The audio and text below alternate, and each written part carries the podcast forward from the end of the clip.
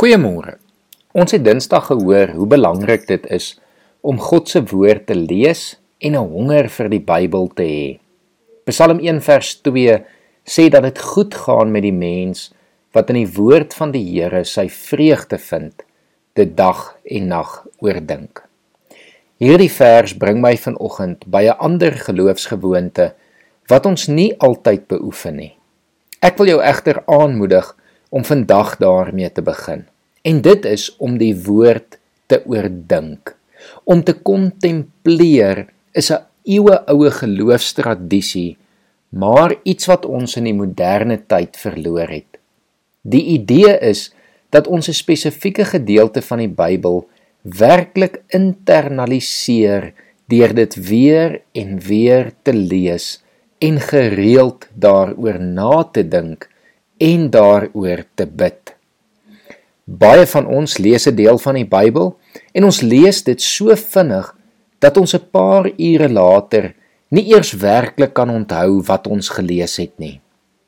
Dit is amper soos 'n mens wat baie haastig of honger is en dan sy kos vinnig afsluk sonder om dit werklik te ruik, te proe, daaraan te kou, die tekstuur op jou tong te voel en die kos werklik te waardeer. Ek wil jou aanmoedig om God se woord so te begin eet dat jy dit werklik sal ruik en sal proe, dat jy tyd sal hê om daaraan te kou, die tekstuur te analiseer en die gedagtes werklik te internaliseer en deel te maak van jou lewe. Wynliefhebbers het iets daarvan om iets stadig en deeglik te waardeer raak gevat. Die wyn moet eers uitgegooi word, dan moet dit rus. Dan moet die wyn in die glas geswaai word en die tekstuur moet bekyk word. Daar moet aan die wyn geruik word en uiteindelik moet dit geproe word. Stadig in jou mond moet dit waardeer word voordat dit ingesluk word. Dieselfde beginsels geld as ons werklik soos Psalm 1 vir ons sê, God se woord wil oordink en vreugde daarin wil vind. Daarom wil ek 'n paar riglyne vir jou gee om vandag dit te begin doen. Kies 'n gedeelte wat jy graag sal wil lees, maar sorg dat dit nie te lank is nie. Die saligsprekinge kan byvoorbeeld gebruik word wat in Matteus 5 vers 3 tot 10 gevind kan word.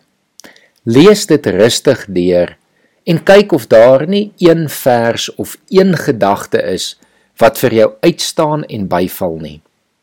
Lees dan net daardie vers 3 tot 5 keer weer stadig oor en oor. Indien jy dan die vers kan sê sonder om dit te lees, sal dit goed wees. Of as jy darm net die gedagte van die vers vir jouself kan opsê en saamvat. Dink dan oor wat hierdie vers of gedagte vir jou beteken. Hoe dit in jou lewe inspel en wat die Here deur hierdie vers vir jou wil sê of dalk van jou vra. Is daar iets wat jy vandag prakties kan doen om die vers nog meer gestalte te gee? Bid dan en vra die Here om hierdie gedagte deel van jou dag te maak en jou deur sy gees gedurig daaraan te herinner. Indien dit jou kan help, kan jy die vers ook neerskryf om later weer daarna te kyk. Dit sal goed wees om die vers nog 'n paar keer deur die dag weer te lees, weer daaroor na te dink en ook weer daaroor te bid. Ek lees graag vanoggend saam met jou die saligsprekinge voor. Geseend is die wat weet hoe afhanklik hulle van God is, want aan hulle behoort die koninkryk van die hemel. Geseend is die wat treur, want hulle sal vertroos word. Geseend is die sagmoediges, want hulle sal die nuwe aarde ontvang.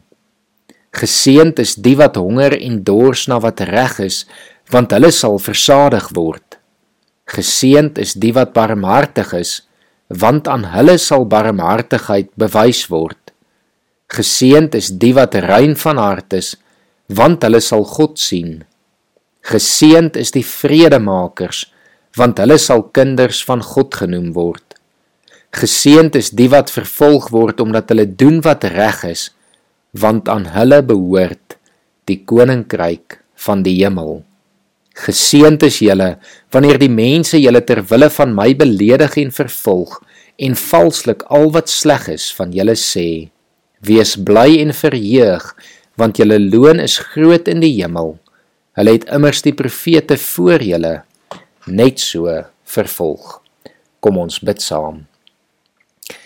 Here ek wil vra dat U vandag elkeen van ons wat gaan lees sal help om u woord werklik in te neem, Here. Daaroor na te dink en dit te onthou en deel van ons lewens te maak, Here. Ek bid dit in Jesus se naam. Amen.